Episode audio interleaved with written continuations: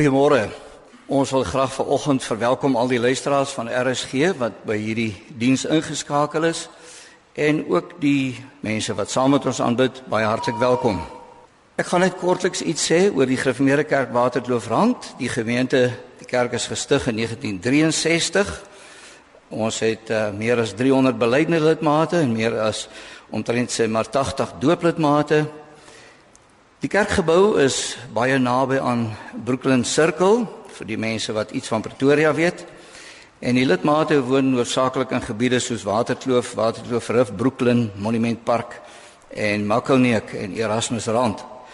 Maar natuurlik is daar ook heelwat lidmate wat verder weg van die kerkgebou woonagtig is. Die gemeente is op uh, hierdie stadium besig met uh, op verskeie terreine met die uitdra van die evangelie Maar in besonder om saam met die teologiese skool in Potchefstroom en die NWU is ons ook betrokke by die opleiding van predikers hier in Suid-Afrika, Suidelike Afrika en in die hele Afrika. Geliefdes, kom ons verklaar nou ons afhanklikheid van die Here. Ons hulp is in die naam van die Here wat die hemel en die aarde gemaak het en wat getrou bly tot in ewigheid. Geliefdes, Genade vir u en vrede van God ons Vader en die Here Jesus Christus deur die kragtige werk van die Heilige Gees. Amen. Ons gaan die Here nou loof en ons sing Psalm 93 die eerste, die tweede en die derde vers. Direk daarna gaan ons ons geloof bely. Ons gaan dit ook sing en doen en ons sing skrifbreiding 12-3 die eerste en die tweede vers. So eers Psalm 93 1 2 en 3 en direk daarna skrifbreuking 12-3 die eerste en die tweede vers en dan bid ons saam. Met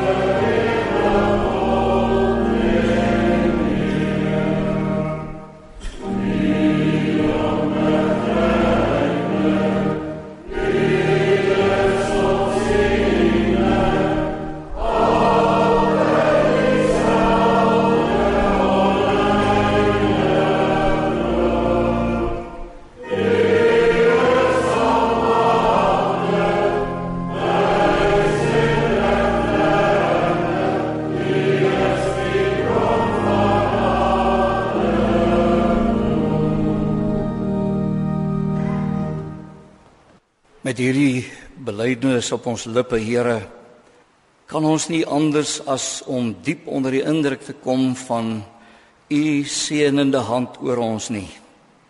Wie is ons tog dat ons so duidelik ons verhouding met u mag uitspreek? Wie tog is ons dat ons met sekerheid mag sê u die onbegryplike God die ewige, die almagtige, die alomteenwoordige. U is ons God.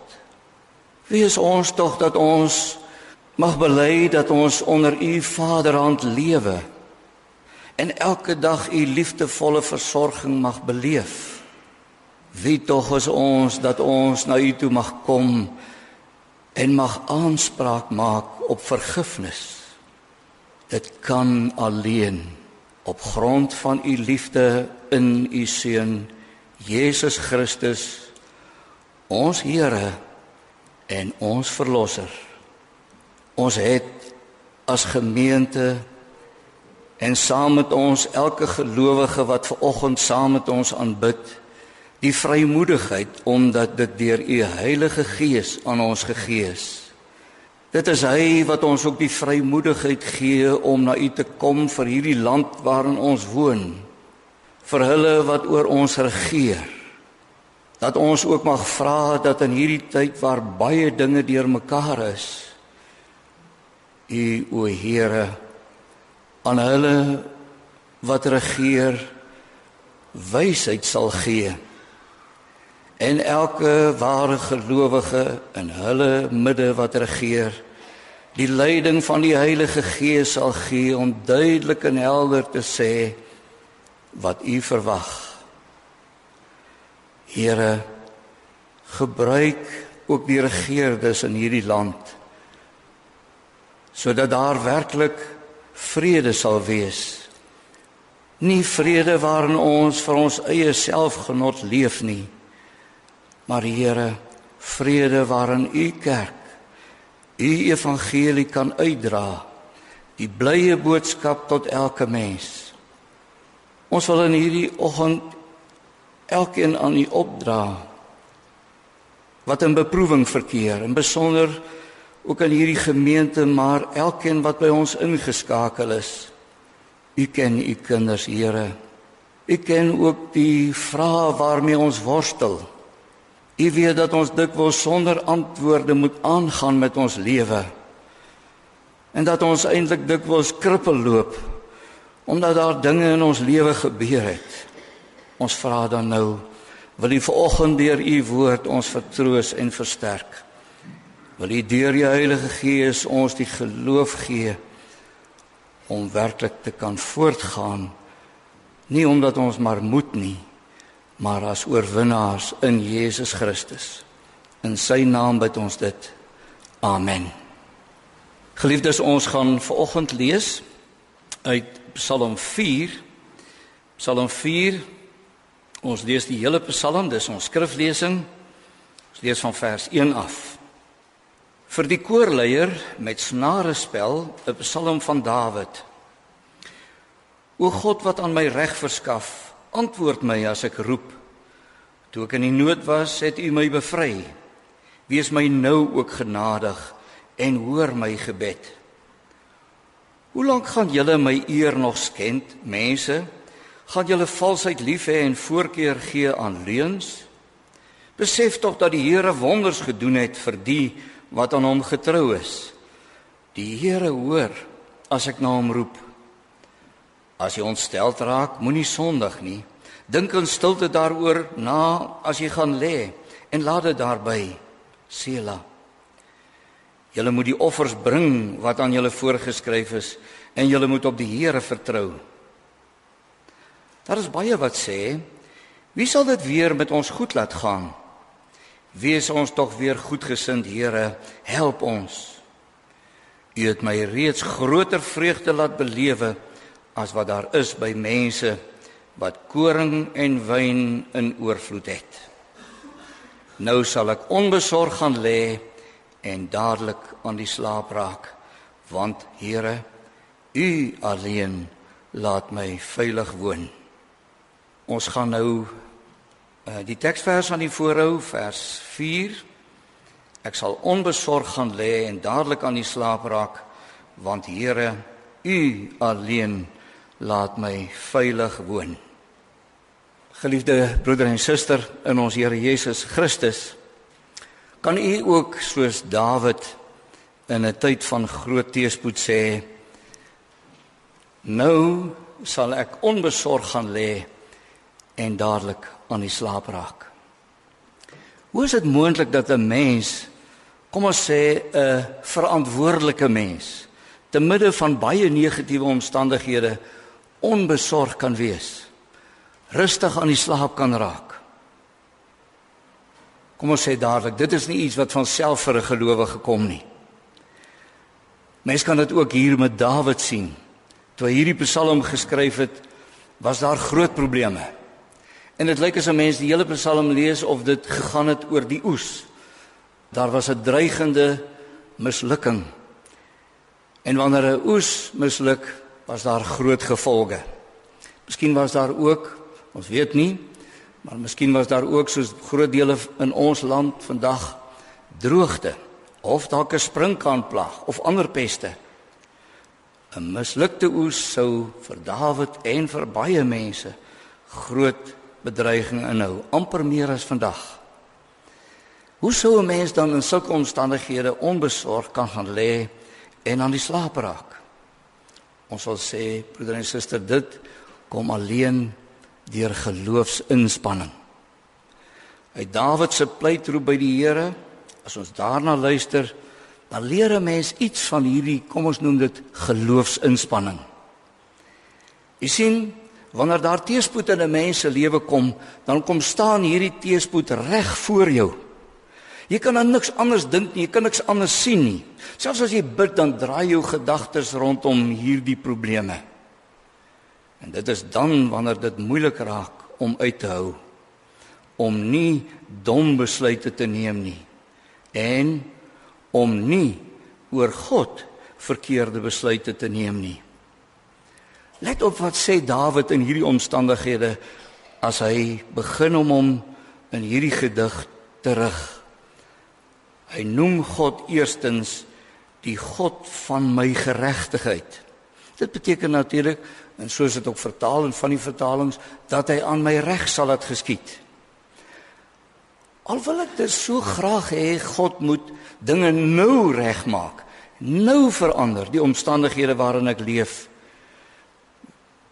Al is ek seker dat dinge moet tog verander, dan weet ek ook dat God aan my reg sal laat geskied op sy tyd en op sy wyse.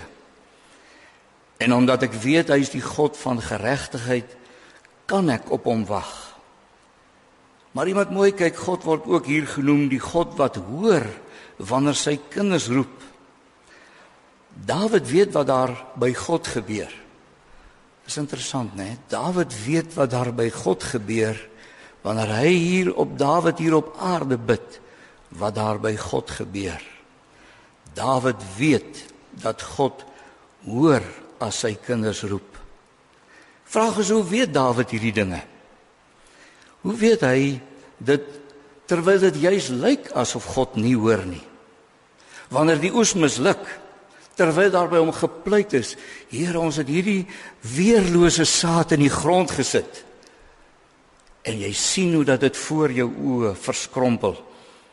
Ek het onlangs daar na Bloemfontein se rigting gery Dit is verskriklik om mielies wat heuphoog te staan te sien, wit gebrand deur die son. Hoe kan jy dan nog met sekerheid bid? Want jy sien 'n gelowige bid nie, en dit leer ons in hierdie Psalm tot 'n kamma God nie. Ons sê God is iemand. Iemand met wie jy jou hele lewe lank, nie net wanneer die nood kom nie, maar jou hele lewe lank in 'n verhouding leef. Daarom kan Dawid ook by God pleit om hom te hoor. Want hoor wat sê hy oor God in die verlede? Wat God in die verlede gedoen het.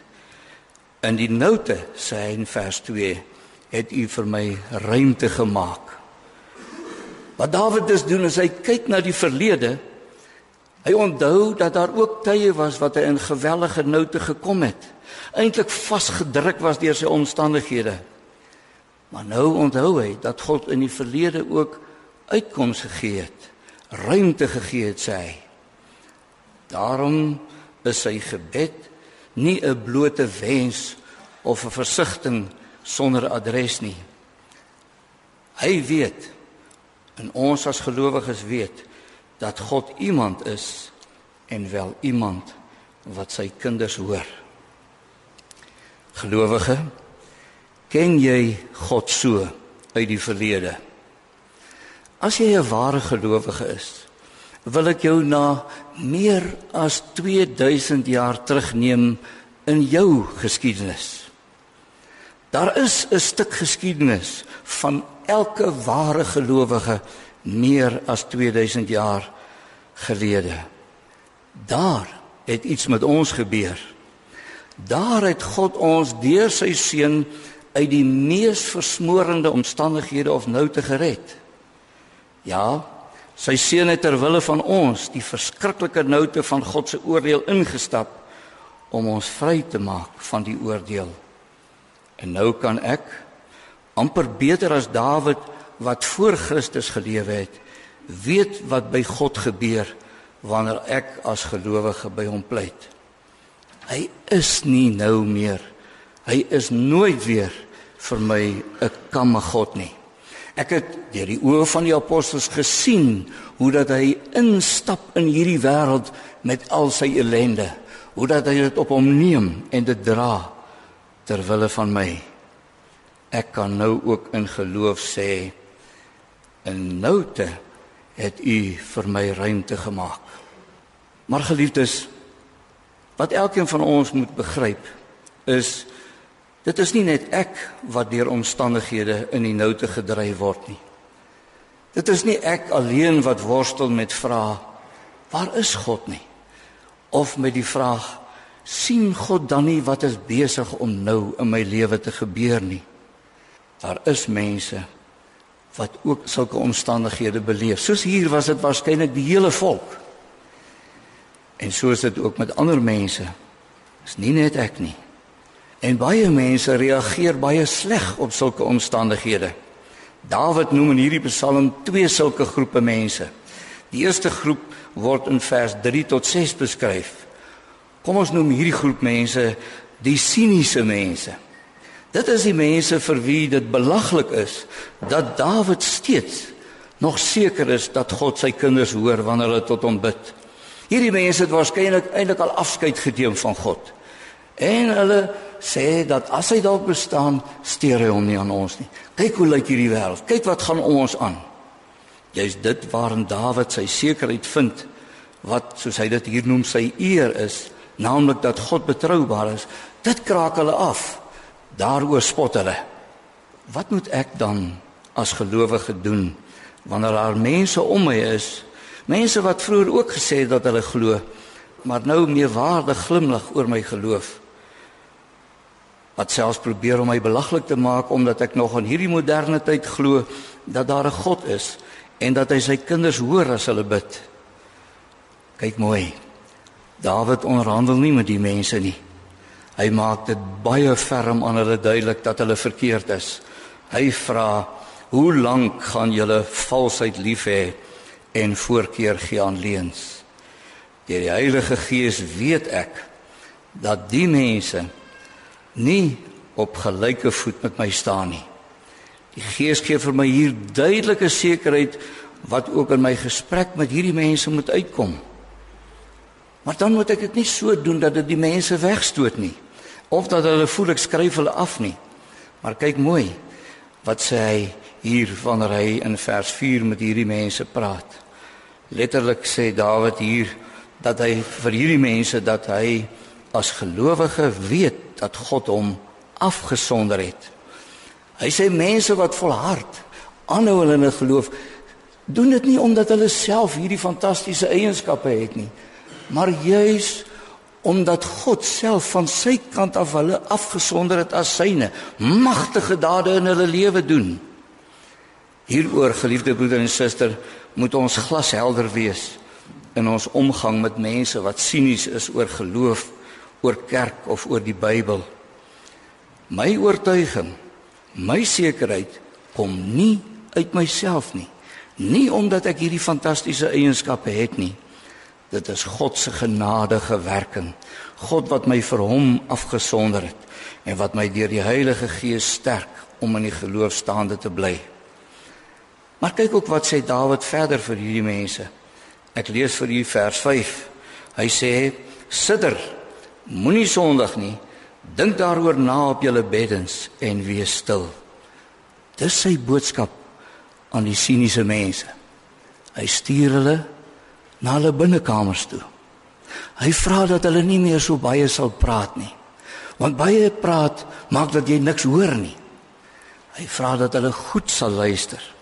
Want jy sien geliefde, net as jy waarlik luister na wat God deur sy Gees in sy woord sê, net dan kan jy hoor. Duidelik nie waar nie. Om met mense te argumenteer en te beskuldig en selfs risie te maak omdat hulle nie glo nie, is nie die pad nie. Eerder om iemand te stuur om te gaan hoor. Maar die liefde is nog verder hier nie waar nie vers 8 sê julle moet die offers bring wat aan julle voorgeskryf is en julle moet op die Here vertrou. Daar is 'n pad terug vir hierdie mense wat reeds ver weggedwaal het. En so ver dat hulle krities is, sinies is en selfs aanvallend is. En as u dan so iemand is, elkeen van ons moet onsself ondersoek. Dan roep God jou terug. Deur Jesus Christus is daar vergifnis. Deur hom is daar weer 'n oop pad tot hom. Hy roep ons om na hom toe terug te keer. Maar dan is daar 'n tweede groep mense in hierdie Psalm waartoe Dawid hom rig. Ons noem hulle die swaarmoediges. Hoor wat sê hulle? Hier staan in vers 7: Baie mense sê, "Wie sal ons weer die goeie laat beleef?" Hoor u die swaarmoedigheid? die wanhoop? Wie sal? Vra hulle. Waar is daardie iemand? Is nie asof hulle sê God bestaan nie maar ek meen as jy kyk na die oes wat so lyk soos dit lyk wie sal ons tog help? Wie sal dinge weer laat goed gaan? Hulle glo nie meer dat God sy kinders hoor as hulle roep nie die beproewing en die aanhoudendheid daarvan het net te veel geword Waarheen stuur Dawid hierdie mense? Hierdie die siniese mense weet ons het hy na hulle binnekamer toe gestuur. Hulle moes ophou praat en gaan luister. Waarheen stuur hy die swaarmoedige en wanhoopige mense? Ek wil amper sê hy stuur hulle na die priester toe. Vir hulle net nadat hulle hulle aangehaal het, dan haal hy die priesterlike seën aan. Daardie seën wat in baie eredienste in Suid-Afrika en oor die wêreld vandag nog uitgespreek word aan die einde van eredienste. Hierdie mense vra, wie sal ons weer die goeie laat beleef? Dan moet hulle die priester as dit ware hoor as hy sê, die Here sal die lig van sy aangesig oor jou verhef. Jy sien, wanneer ek hierdie seën wat uitgespreek word. Baie keer steek die predikant twee hande uit of die leraar dan pastoor sy hande uit en spreek die seën uit as dit ware gee die seën.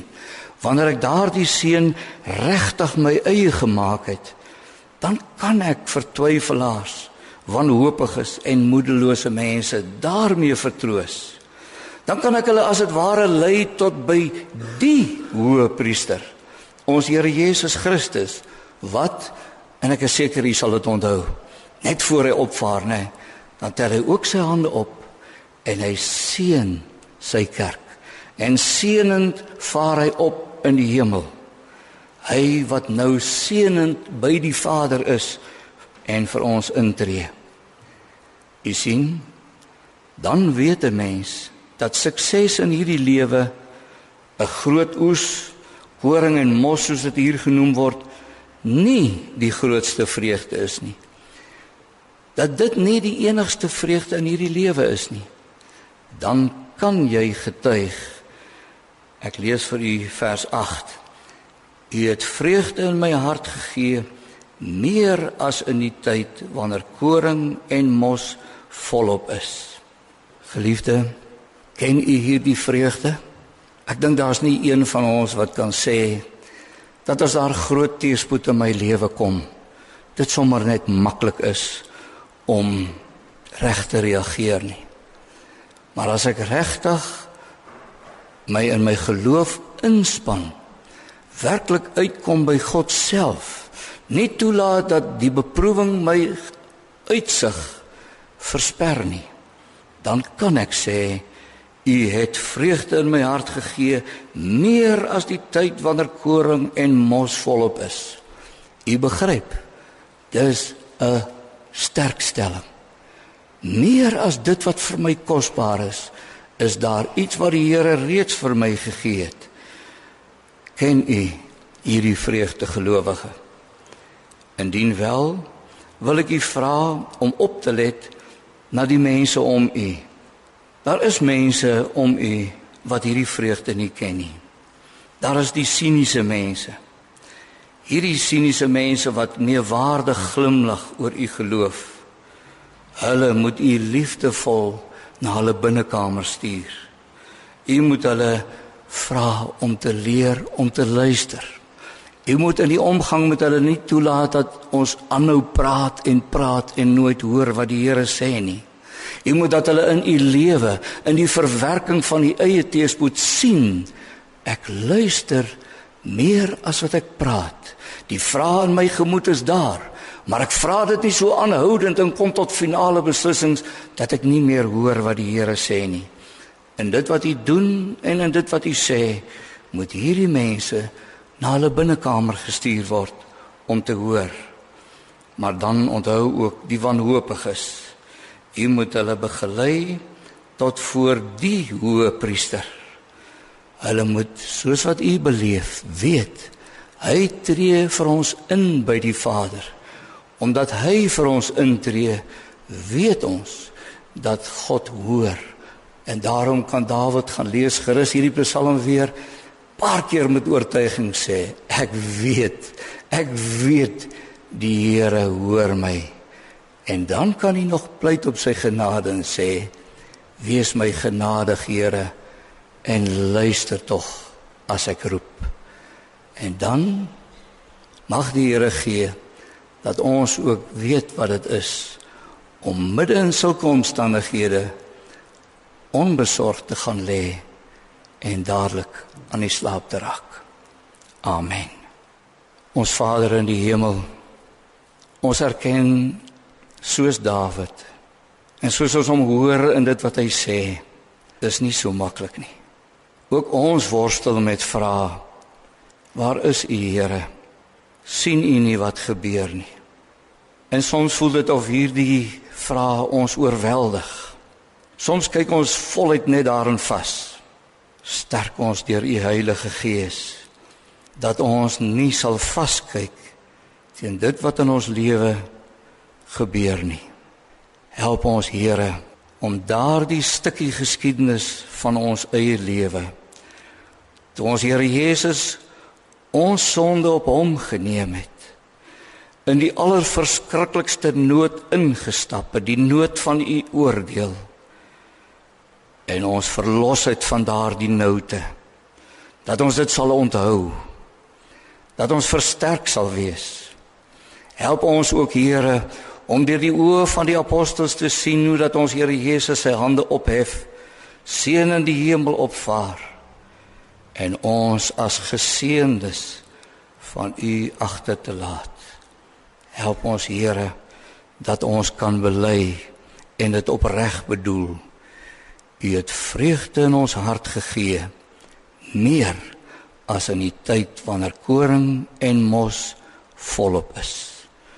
In Jesus Christus se naam bid ons dit. Amen.